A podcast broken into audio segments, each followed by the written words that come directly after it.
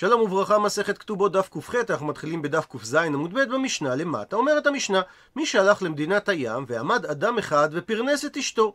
חנן אומר שאיבד אותו אדם את מעותיו, שכאשר הבעל יחזור והוא יתבע ממנו לשלם את מה שהוא פרנס את האישה, יגיד הבעל שהוא לא אמר לו להלוות לו כסף ובתמורה הוא מתחייב לפרוע לו את החוב. אבל נחלקו עליו בני כהנים גדולים ואמרו שאותו אדם יישבע כמה כסף הוא הוציא וייטול מהבעל. וכן אמר רבי דוסה בן הורקינס כדבריהם. אבל אמר רבי יוחנן בן זכאי, יפה אמר חנן, שאותו אדם הניח מעותיו על קרן הצבי. היה ואצלו רבי יעקב ישראל עמדין מסביר שקרן הצבי זה לשון נופל על לשון, כלומר, כספו של האדם נקרא קרן, משום שהכסף נותן לאדם ביטחון ועוצמה. אבל אדם ששם את כספו על קרן הצבי, שהוא קל המרוץ, מידו יבקשנו, הוא יאבד את כספו. הוא מסייג רש"י שהמשנה לא מדברת על מציאות שהאדם הלווה את האישה מעות למזונותיה, על מנת שהיא תחזיר לו חזרה את ההלוואה, שהרי במקרה כזה, האדם תובע מהאישה, והיא תובעת את הבעל, והבעל ישלם, שהרי הבעל מחויב למזונות אשתו. ואומרת הגמרא תנן התם, שנינו שם במשנה במסכת נדרים. המודר הנאה מחברו, הפכנו דף, למרות זאת מותר לו לעשות עבורו מספר דברים. הדבר הראשון הוא שוקל לו את שקלו. מסביר רש"י שמותר לו לשקול בשבילו את מחצית השקל שהוא חייב לתת בכל שנה עבור קורבנות הציבור. הדבר השני, הוא פורע לו את חובו. אם חברו חייב ממון לנושה, מותר לזה שיפרענו בשבילו. הדבר השלישי, הוא מחזיר לו אבדתו. אם הוא ראה למשל את חמורו טועה, מותר לו להשיבו. הוא מסייג את המשנה, ובמקום שנוטלים שכר עבור טורח השבת האבדה, תיפול אותה הנאה של שכר להקדם, שהרי שניהם מודרים בהנאה זה מזה. עד לכאן לשון המשנה, ומקשה הגמרא, בישלמה נוח לי להבין, מדוע המודר הנאה מחברו שוקל לו את שקלו, שהרי מצווה כאביד. כלומר, הוא עושה עבורו מצווה, והוא לא גורם לו להנאה. שהרי גם אם החבר לא ישלם את מחצית השקל, הוא לא הפסיד בכך כלום, שעדיין יש לו חלק בקורבנות הציבור. לפי מסורת הש"ס דתניא, שכך שנינו בברייתא, בעניין מחצית השקל. תורמין את הלשכה בשלוש קופות. זאת אומרת, היו ממלאים שלוש קופות קטנות מתוך הקופות הגדולות ששם עם ישראל היה שם את מחצית השקל. ואז גזברי ההקדש היו מכוונים גם על האבוד, דהיינו עבור מי ששלח שקלו ושקלו אבד, ועל הגבוי, מי שהתרומה שלו עדיין לא הגיעה ללשכה, ועל העתיד להיגבות, עבור מי שעדיין לא נתן מחצית השקל, והוא מתכנן לתת, ואפילו אם הוא לא ייתן אחר כך. עדיין יש לו חלק בתרומה ובקורבנות הציבור, רק שאם הוא לא ייתן הוא חיסר מצווה. אז נמצא שהנותן עבור חברו שהוא מודר הנאה ממנו לא גרם לו לשום הנאה, וגם מצוות מחצית השקל לא נזקפת לזכות החבר, אלא שכר המצווה לנותן. אז מובן מדוע הוא שוקל לו את שקלו. ועל אותו עיקרון הוא מחזיר לו אבדתו נמי מצווה כאביד. מחזיר האבדה עושה מצווה שהרי התורה ציוותה להשיב אבדה, ולכן הוא עושה את זה עבור קיום המצווה ולא כדי לגרום הנאה למודר ממנו. אלא שואלת הגמרא, פורע לו את חובו, מדוע זה מותר? הא כמשטר שלי, הרי הוא מרוויחו בכך שהוא פוטר אותו מפירעון החוב.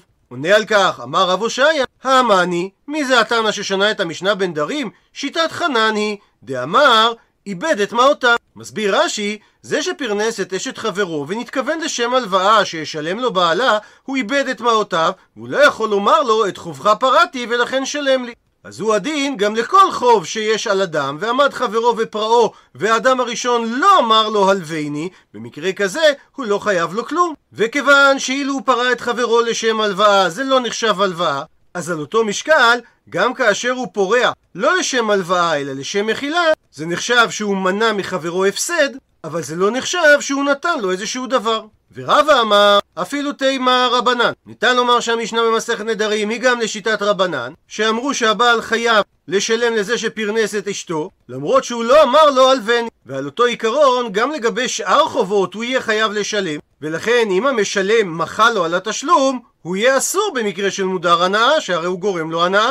הכא במאי עסקינן, אז באיזה מציאות דיברה המשנה שהמודר פורע לו את חובו, שלווה על מנת שלא לפרוע. שהלווה לקח הלוואה מן המלווה על מנת שלא לפרוע עד שהוא ירצה, ובמציאות כזאת לא יוכל הנושה ללחוץ אותו להחזיר את החוב, ולכן יכול המודר הנאה לפרוע את החוב, כי הוא לא גורם לו הנאה בכך. ושואלת הגמרא, בישלמה ברור לי מדוע רבא לא אמר כרב הושעיה, דמוקים לה כרבנן, שרבא מעדיף להעמיד את המשנה בן דרים כשיטת רבים ולא כשיטת יחיד. אלא רב הושעיה, מה הייתה מה שהוא לא אמר כרבה? אמר לך, עונה על כך רב הושעיה, נהי דהנאה ליתלי. אמנם במקרה שרבה העמיד, שאדם לווה על מנת שלא לפרוע, כך שהמלווה לא יכול ללחוץ עליו לשלם את ההלוואה, אז אכן אין לו הנאה כספית מזה שהמודר הנאה פרע את החוב עבורו. הפכנו דף, אבל כיסופא מי ליתלי? האם אין הנאה ללווה בכך שפרעו את חובו? שהרי כל זמן שהוא לא פרע את החוב, אז הוא מתבייש מן המלווה. ולכן, אם רב הושעיה היה מסביר כרבנן, שאמרו לעניין חוב, שאם הלווה לווה על מנת לפרוע, ופרע חברו בשבילו, אז הוא חייב לשלם, שבמקרה כזה ברור, שאם חברו מודר הנאה ממנו, יש פה מחילה על הנאה, בוודאי שזה אסור. אז גם במקרה שהלווה לווה על מנת שלא לפרוע, יש כאן עדיין הנאה שנחסכה ממנו הבושה מהמלווה, ולכן גם אם המודר הנאה מחל לו על החזר הפירעון, עדיין יש פה הנאה שהוא מוחל עליה וזה יהיה אסור. ולכן העמיד רב הושעיה את המשנה בנדרים כשיטת חנן, שבין אם הלווה התכוון לפרוע את החוב ובין אם הוא התכוון שלא לפרוע אותו, אין פירעון החוב נחשב כהנאה עבור הלווה, וממילא אין משמעות למחילת הפירעון על ידי המודר הנאה שפרע את החוב. וזה למרות שהוא סילק את הלווה מפירעון החוב ומהמשך הבושה כלפי המלווה. ולפי הגרסה של הגאות הבח, לישנא אחרינא, גרסה אחרת לתירוצו של רב הושעיה מדוע הוא לא נקט כרבנן, התמנמי איתלי הנאה, בהאי הנאה דמיכסף מיני. שגם במקרה שהלווה לקח הלוואה, שאין עליו לחץ מן המלווה להחזיר אותה, עדיין קיים פה צד של הנאה, שעל ידי הפירעון נחסכה ממנו הבושה מפני המלווה.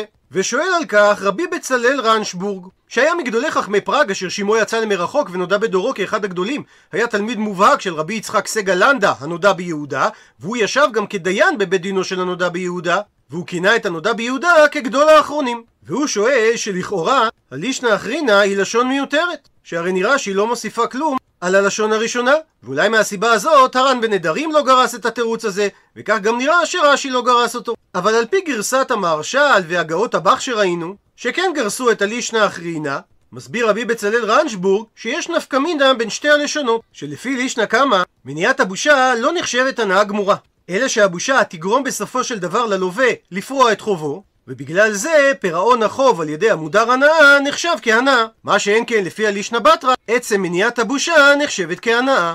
ואומרת המשנה, אדמון אומר שבעה דברים. הדבר הראשון, מי שמת והניח בנים ובנות שאינן נשואות, אז בזמן שהנכסים מרובים, הבנים יורשים והבנות ניזונות. אבל ובנכסים מועטים, הוא מסביר רש"י שהגדרת נכסים מועטים על פי הגמרא בבבא בתרא, שאין בנכסים מספיק כדי לפרנס במשך 12 חודש גם את הזכרים וגם את הנקבות. אז במקרה כזה הדין שהבנות יזונו והבנים יחזרו על הפתחים. ועל כך חולק אדמון ואומר, האם בשבילי שאני זכר הפסדתי? ואמר על כך רבן גמליאל, רואה אני את דברי אדמון. ושואלת הגמרא, מהי כאמר? למה התכוון אדמון כשהוא אמר, אם בשביל שאני זכר הפסדתי? שמשמעות הדברים, האם בגלל שאני זכר וכוחי יפה, הפסדתי ואני לא ניזון מנכסים מועטים? אז למה התכוון אדמון כשהוא אמר שיש לזכר עדיפות אל מול הבנות? והרי לעניין מזונות לא מצאנו שבנים עדיפים על פני הבנות. עונה על כך אמר אביי, הכי כאמר, כך התכוון אדמון. האם בשביל שאני זכר וראוי לעסוק בתורה הפסדתי? דוחה את הדברים המאי לרבה. זאת אומרת שמאן דאסיק בתורה הוא דיירית ומאן דלא אסיק בתורה לא ירית? לפי דבריך אביי, עדיפות הבן על הבת זה בגלל שהוא עוסק בתורה. אז יוצא שאם יש שני בנים, זה שעוסק בתורה יורש וזה שלא עוסק בתורה לא יורש? אלא אמר רבא, הכי כאמר, כך התכוון אדמון לומר, האם בשביל שאני זכר וראוי לירש בנכסים מרובין, כאשר הבנות במקרה של נכסים מרובים לא יורשות אלא רק ניזונות, אז האם בגלל זה הפסדתי בנכסים מועטים? שהבנות ייזונו והבנים יחזרו על הפתחים? אלא לפחות צריך להשוות את מעמד הבנים והבנות בנכסים מועטים, ולא לנשל את הבנים לחלוטין. ואומרת המשנה, הטוען את חברו כדי שמן, והודה חברו בקנקנים. הוא מסביר רש"י שהחבר הודה בקנקנים ריקים בלא שמן. אדמון אומר, הואיל והודה במקצת הטענה היא שווה כדין מודה במקצת, וחכמים לעומת זאת חולקים ואומרים, אין הודעת מקצת ממין הטענה. שהוא לא חייב בשבועת מודה במקצת, שהרי הוא לא הודה במקצת במה שחברו תבע אותו. ועל כך אמר רבן גמליאל, רואה אני את דברי אדמון. הוא מדייק את הגמרא, שמע מינה, שלרבנן במקרה של טענו חיטין ושעורין, והודה הנתבע בשעורין בלבד, שיהיה הנתבע פטור משבועה. שהרי במשנה התביעה היא על כדי שמן, והחבר מודה בקנקנים ולא בשמן. וזה מקביל לתביעה של חיטין ושעורין, שהנתבע מודה בשעורין בלבד, ואמרו חכמים במשנה שהוא פטור משבועה. אז אם כך, לימה תהיה וטיובתא, אולי יש בדבר הזה דחייה לדברי דרב נחמן אמר שמואל. דאמר רב נחמן אמר שמואל, טענו חיטים ושעורים, והודה לו באחד מהן, הוא חייב שבועה. וזה סותר את דברי חכמים. מתרצת הגמרא אמר רב יהודה אמר רב, שהמשנה מדברת בטוענו מידה. הוא מסביר רש"י, שהוא לא תבע ממנו שמן וקנקנים, אלא שמן בלבד.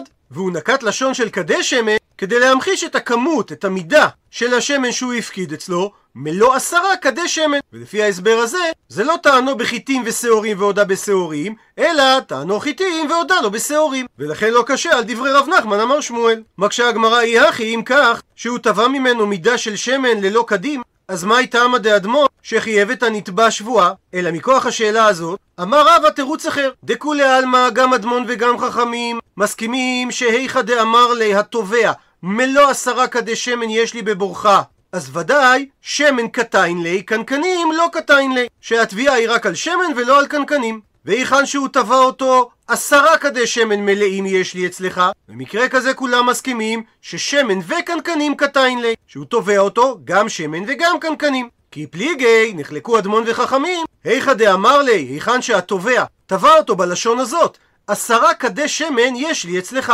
שאדמון אומר שיש בלשון הזה גם לשון של קנקנים, ולכן אם הוא הודה לו בקנקנים, הוא הודה במקצת הטענה והוא חייב שבועה. ורבנן סברי שאין בלשון הזה לשון קנקנים ולכן כאשר הוא מודה לו על הקנקנים זה בעצם טענו בחיטים והודה לו בשעורים ולכן הוא פטור משבועה וממילא לא קשה על דברי רב נחמן אמר שמואל שחייב שבועה במקרה שטענו חיטים ושעורים והודה לו על השעורים. מקשה על כך הגמרא, אלא לפי ההסבר הזה יוצא שטעמא דחכמים שהנתבע פטור בשבועה זה בגלל דאין בלשון הזה של עשרה כדי שמן יש לי אצלך לשון של קנקנים. זאת אומרת, היי, אם היינו מסבירים שיש בלשון הזה לשון של קנקנים, חכמים היו מודים לאדמון שחייב הנתבע שבועה. אז אם כך, למה תהיה וטיובתא, אולי יש בדברים האלה קושייה על מי שחלק על רב נחמן אמר שמואל, שזה דרב חייא בר אבא, דאמר רב חייא בר אבא, שטענו חיטים ושעורים, והודה לו באחד מהם הדין שהוא פטור משבועה. אבל לפי הדיוק בהסברו של רבא יוצא, שאם טענו גם שמן וגם קנקנים, והודה לו רק על הקנקנים, הוא חייב שבועה. מתרצת הגמרא, אמר רב שימי בר אשי, שיש הבדל מהותי בין קדים ושמן לבין חיטים ושעורים, שכאשר הוא תובע ממנו כדי שמן, נעשה כמי שטענו רימון בקליפתו, שלא ניתן להפריד אותם אחד מהשני, וזה דומה כדבר אחד, ולכן כאשר הוא מודה לו על הקנקנים, זה נחשב שהוא מודה במקצת הטענה. ולא קשה על דברי רב חייא בר אבא, בטענו חיטים ושעורים שהם שני דברים נפרדים, שכאשר הודה לו באחד מהם הוא פטור משבועה. מה התקיף לה מקשה על כך רבינה? שההשוואה בין קדים ושמן לבין ריבון לקליפתו היא לא נכונה. שהרי רימון בלא קליפתו לא מינטר, הוא לא נשמר. לעומת זאת, שמן מינטר בלא קנקנים. הוא יכול להישמר גם בלא קנקנים, כגון שהשמן נשמר בבור. ואם כך חוזרת השאלה, שלפי הסברו של רבא, אם טבע אותו כדי שמן, ויש במשמעות הלשון הזאת גם שמן וגם קנקנים, והוא הודה רק על הקנקנים, כולם אומרים שהוא חייב שבועה, וזה סותר את דברי רב חייא בר אבא. אלא מתרצת הגמרא, שרב חייא לא ידמה את התביעה של כדי שמן שכוללת בתוכה קנקנים, לתביעה של רימון שכוללת את הקליפה, אלא אחא במאי עסקינן, המשנה מדברת במציאות, דאמר התובע, עשרה כדי שמן יש לי אצלך, ואמר לעידה, ועונה לו הנתבע, שמן לא היו דברים מעולם. ולגבי תביעת הקנקנים, נמי, גם בזה אני לא מודה בכל הטענה, אלא חמישה קנקנים איתלך יש לך אצלי, וחמישה קנקנים לאיתלך אין לך אצלי. ועל כך אדמון אומר, יש בלשון הזה לשון קנקנים. והוא הרי הודה במקצת הקנקנים ובמקצתם הוא כפר, אז לעניין הקנקנים הוא מחויב בשבועה כי הוא מודה במקצת, ומיגו דקמשתבע הקנקנים, משתבע נמי השמן על ידי גלגול. ומתוך כך שהוא מתחייב שבועת מודה במקצת על הקנקנים, מגלגלים עליו שבועה גם על השמן. ורבנן לעומת זו סברי, שאין בלשון הזה של התובע לשון קנקנים, ולכן מה שטענו לא הודה לו, ומה שהודה לו לא טענו. כך שאין פה סתירה לדברי רב חייא בר אבא, שבמקרה שטענו חיטים ושעורים והודה לו באחד מהם, שפטור משבועה. עד לכאן דף ק"ח.